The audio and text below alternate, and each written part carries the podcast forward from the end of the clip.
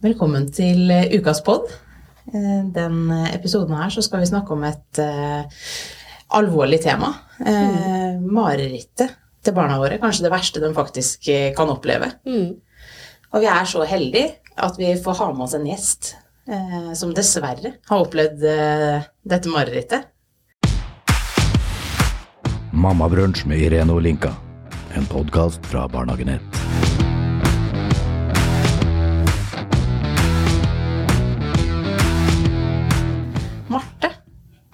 Velkommen til oss. Tusen takk. Kan du fortelle litt om eh, marerittet ditt?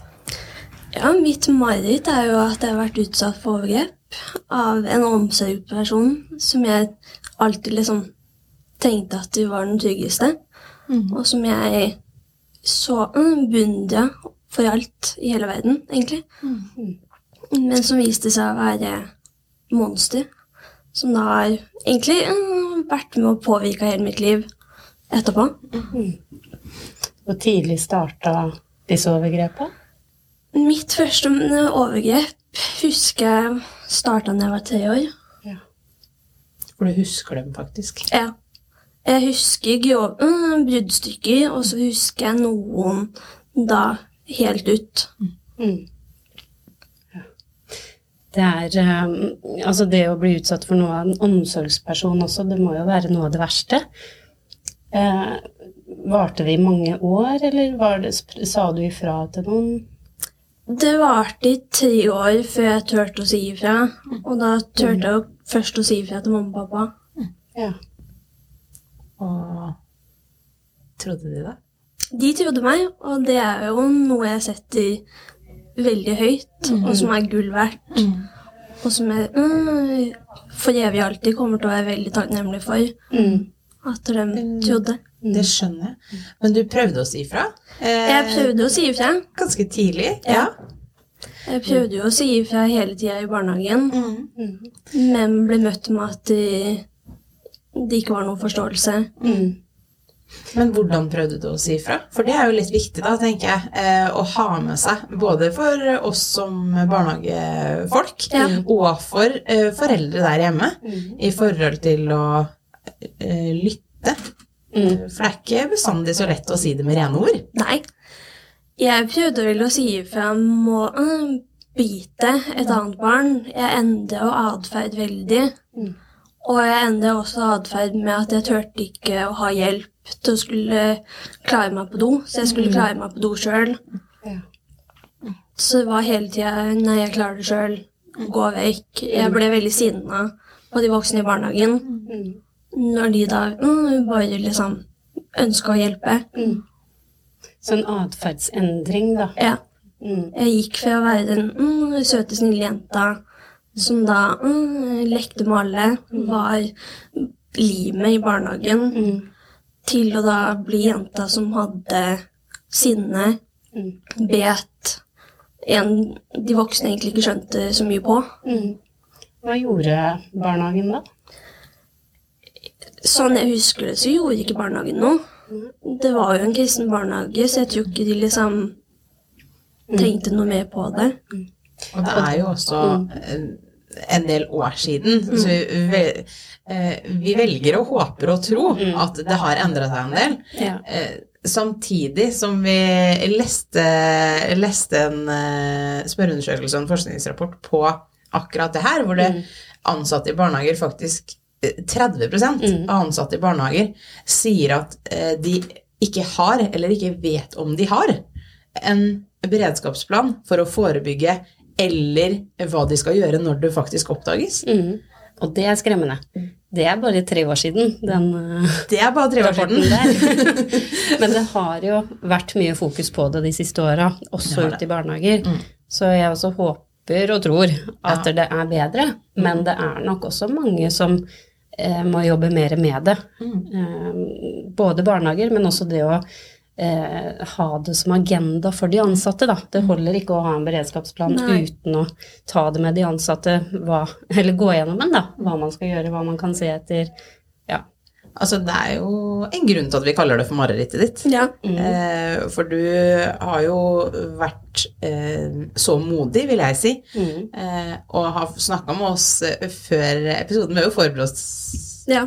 litt til denne episoden her, fordi at eh, det er jo et tema som rører. Mm. Eh, Det er et tema som eh, Jeg kan jo sitere både meg sjøl og deg, Irene, i forhold til altså Det gir jo ståpels over de tingene du, du forteller at du har opplevd. Eh, og jeg har egentlig lyst til å felle noen tårer på, på dine vegne. eh, men hva skjedde når Hva skjedde etter at du fortalte og foreldrene dine forsto det?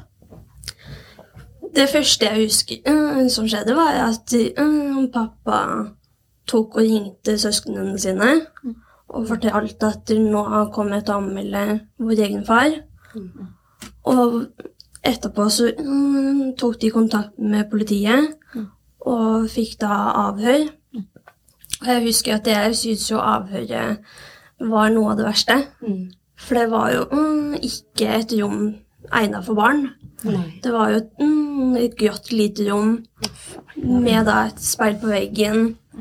Hvor mm, jeg nå i ettertid har skjønt at der satt jo veldig mange bak. Mm. Og hvordan mm, jeg ikke stolte på politidama som var, mm, hadde avhør heller. Mm. Så jeg satt jo en time og turte ikke å si noen ting. Mm. Og etterpå så fortalte jeg mamma og pappa alt når vi da satt på La Baguette i Torvbyen. For der mm, visste jeg at der er jeg sammen med mamma og pappa igjen. Mm. De stoler jeg på. De vet det. Mm. At de måtte jobbe på historien. De fikk ikke være med inn når du Nei. Nei. Mamma spurte, mm, vet jeg spurte, men politiet sa at ja, men du kan ende opp med å påvirke historien. Ja. Så de måtte sitte bak speilet og se på. Mm. Det må ha vært eh, tøft for foreldrene dine også. Eh, vi snakka jo litt om det i en annen episode, det med å eh, Hva gjør vi hvis barn forteller ting du egentlig ikke ønsker at de skal ha opplevd? Eh, og det å ta de på alvor, da, det gjorde jo heldigvis dine. Ja.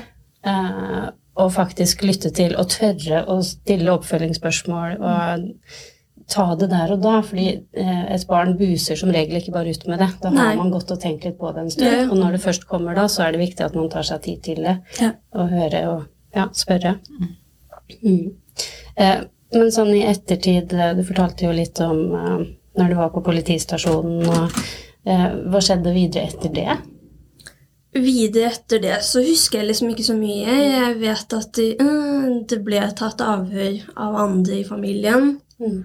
Og det var vel en, mm, Jeg hadde jo ikke så mye med det å gjøre, så jeg vet liksom ikke. Jeg var såpass liten Mm. til at jeg starta på skolen, hadde en lillebror Mm. som var nyfødt. Mm. Og det var jo også en grunn til at du venta så lenge med å fortelle. Ja. Mm. Eh, han trua deg jo med ganske kraftig skyts. ja. Ja. Mm. Eh, blant annet med å ta livet av de næreste og kjæreste du har. ja. Og det er jo dessverre realiteten for mange. Og Det er grunn for at de ikke Sier noe. sier noe Ja. og forteller.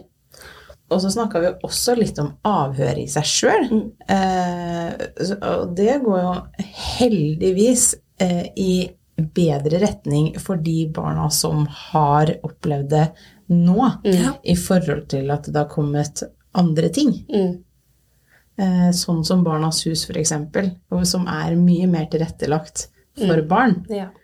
enn eh, det du måtte sitte i, da. ja. Eh, og det er jo også en positiv Mm. eh, endring. Og jeg tenker Det er min personlige mening. Mm. Eh, men det kommer jo av at man forteller. Ja. At man setter lys på. Mm. At man eh, setter det på dagsordenen, da. Ja. Så ser jeg altså barnehager som har gode beredskapsplaner på det Ja. her. Og da, da blir det gjort litt mer undersøkelser i trygge former og rammer, der barna er trygge. Eh, At de kanskje kommer til barnehagen og har noen samtaler. Ja. Eh, Så ting har jo endra seg. Eh, Men igjen så er det jo viktig at man blir trodd når man prøver å fortelle det i barnehagen også, da. ja. Og ofte så er jo det til omsorgspersonene sine. Altså Ja. de man føler at man er trygg på. Mm. Eh, og du snakka jo også litt om en annen vesentlig endring hos deg. Eh, for jeg syns egentlig du begynte å for, fortelle eh, om han eh, veldig Altså hvordan du så på han før det her skjedde. Eh, og det vil jo si at eh, det var en person du veldig, veldig gjerne ville være hos. Ja. Eh, og til å plutselig hyle og skrike for å dra dit. Ja. Eh, og altså, barn, barn kan endre seg, ting kan Ja. skje, det, altså, men eh, det har vært en undersøkelse av meg som mamma. Mm. Når det, når det er noe som skjer. Mm. Hva er det som gjør at du ikke ønsker å dra dit? Mm. Spørre litt. ja. Eh, Undersøke. Mm. Men sånn i ettertid, eh, har du hatt mye ut, mange utfordringer? Er det noe, har, har du gjort noe med, eh, med deg, på en måte? Sånn, Det har jo gjort noe med meg gjennom egentlig hele oppveksten. Fra barneskolen av ungdomsskolen så var det jo kroppspress. Det å ikke liksom være komfortabel i egen kropp. For jeg følte jo veldig at de, han som overgriper hadde kontrollen på min kropp. Så jeg klarte jo ikke gym etter hvert som kroppen utvikla seg og kom i pubertet. Så jeg fikk jo stryk i gym på ungdomsskolen fordi at kroppspresset på meg sjøl var så stort. Og jeg har jo alltid slitt med mareritt. Kommet uforberedt på skolen fordi at jeg hele tida liksom ikke har følt skolesituasjonen som et trygghetssted. Så jeg hadde ikke konsentrasjon på skolen til å få med meg fag. Og ble møtt av lærere som da ikke helt skjønte. Er det andre ting som eh, Sånn som hvis du For du kan jo plutselig se han eh, på gata eller kjøre Ja. forbi huset eller sånn. Hvordan, hvordan følelse får du da? I starten så fikk jeg jo veldig vonde følelser. Jeg fikk angstanfall, det knøt seg i brystet. Jeg fikk mm, med en gang flashbacks. Mens nå så har jeg kommet dit at ja, jeg kjenner ubehaget. Men det er ikke så ille at jeg liksom føler at nå skal jeg dø. At jeg blir ført tilbake til barndommen. for førte egentlig altså avhøra og sånne ting til noe? Det førte jo ikke til noe, fordi at øh, som politiet sa, øh, sa, så var det for lite. Det var for tynt. Ja. For jeg hadde ikke gått regelmessig til behandling fordi at jeg syntes ikke jeg fikk god nok hjelp fra de profesjonelle. Så fordi at øh, jeg ikke hadde holdt det ved like, så ble det liksom Det ble for tynt, det ble for lite. Så saken ble henlagt? Så saken ble henlagt. Ja. Så det nærmeste jeg har kommet å bli trodd sånn fra det offentlige, er at jeg fikk erstatning fra Statens erstatnings... Har du eller familien din kontakt med han enda, eller? eller nei? Eneste som har kontakt med meg ennå, det er broren min via bestemor på Facebook. Mm. Nå kommer du inn på en i utgangspunktet annen trygghetsperson, bestemor. Ja. Eh, hvem, hvem var hun i det her? Jeg sitter jo inne med følelse på at det var en person som visste. Som så fort overgrepene skulle skje, gikk til naborommet og lukka døra. Og som fikk, mm, var til stede og fikk det med seg, men ikke fysisk var i rommet. Men som heller ikke forsvarte det. Mm. Det er jo en historie som eh, rører langt inn i hjertet. Eh, Men hva har eh, Sånn som pappaen din og sånn, har han noe forhold til foreldrene sine, eller? Han skulle jo ønske at han fortsatt hadde et godt forhold til foreldrene sine, men samtidig så setter han jo meg høyest. Så for han så var det rett avgjørelse. Så selv om han syns det er sårt, så vet han at han tok den riktige avgjørelsen med å sette meg først. Jeg tenker jo at det er jo et forbilde for, eh, for, for alle oss, egentlig. Ja. Eh, altså Vi må tro på barna våre Mm, vi må det. Og gi dem den tiden det tar til å fortelle. Mm. Eh, De åp ja. Ja. Har du fått mye hjelp sånn i ettertid av psykologer eller fagpersoner? Jeg har jo fått veldig mye hjelp. Jeg har vært innom BUP, jeg har vært innom familievernkontoret. Mm. Senest nå det siste året så har jeg vært gjennom et traumekurs via Fredrikstad kommune og Fredrikstadhjelpa. Mm. Og det å gå til behandling er jo det beste som fins. Mm. Det å vite at man blir trodd, vite at man kommer seg gjennom det. Man kan mm, faktisk komme seg videre, ikke bli værende fast. Mm. For det har jo du gjort. Ja. Og din motivasjon for å si ja til å være med her òg, var jo for å Du ønsker å bidra med din opplevelse da, Ja. til noe positivt for andre. Mm. Det å løfte det og eh, Ja, kanskje andre kan kjenne seg igjen da, og faktisk fortelle um, hva de har opplevd. Det er- er sikkert mange som sitter inne med det, som aldri har fortalt. Ja. Uh, og det er nok en stor traume. Det tenker jeg òg. Altså, jeg tenker at uh, det aldri er for sent å fortelle. Nei, det er det ikke. Uh, har du noen råd eller noen tips på hva som har hjulpet deg mest? Det må vel være å finne den ene trygghetspersonen. Om det være seg familien, en venn, en på arbeidsplassen, en på skolen. Bare man finner en trygghetsperson og tørre å fortelle. Samme hvor vondt det egentlig gjør. Var det en liten sånn lettelse etter du hadde fortalt det, og du ble trodd? Ja, Ja. det syns jeg. Mm. Og da starta jo også hjelpa, kanskje? Ja. Eh, som du nå har, har skrytt veldig av, da. Ja. Eh, og det er jo også kanskje en oppfordring til de som faktisk har opplevd å motta den hjelpa de kan få. Mm. Og så er det jo foreldreperspektivet i det her, da. Eh, jeg klarer ikke å forestille meg hvordan jeg hadde reagert som forelder en gang. Og det tror jeg ikke man vet før man Står står der. Jeg håper man aldri står der, men hvis man gjør det, så jeg, jeg tror den reaksjonen, den er umulig å si hvordan den er. Ja.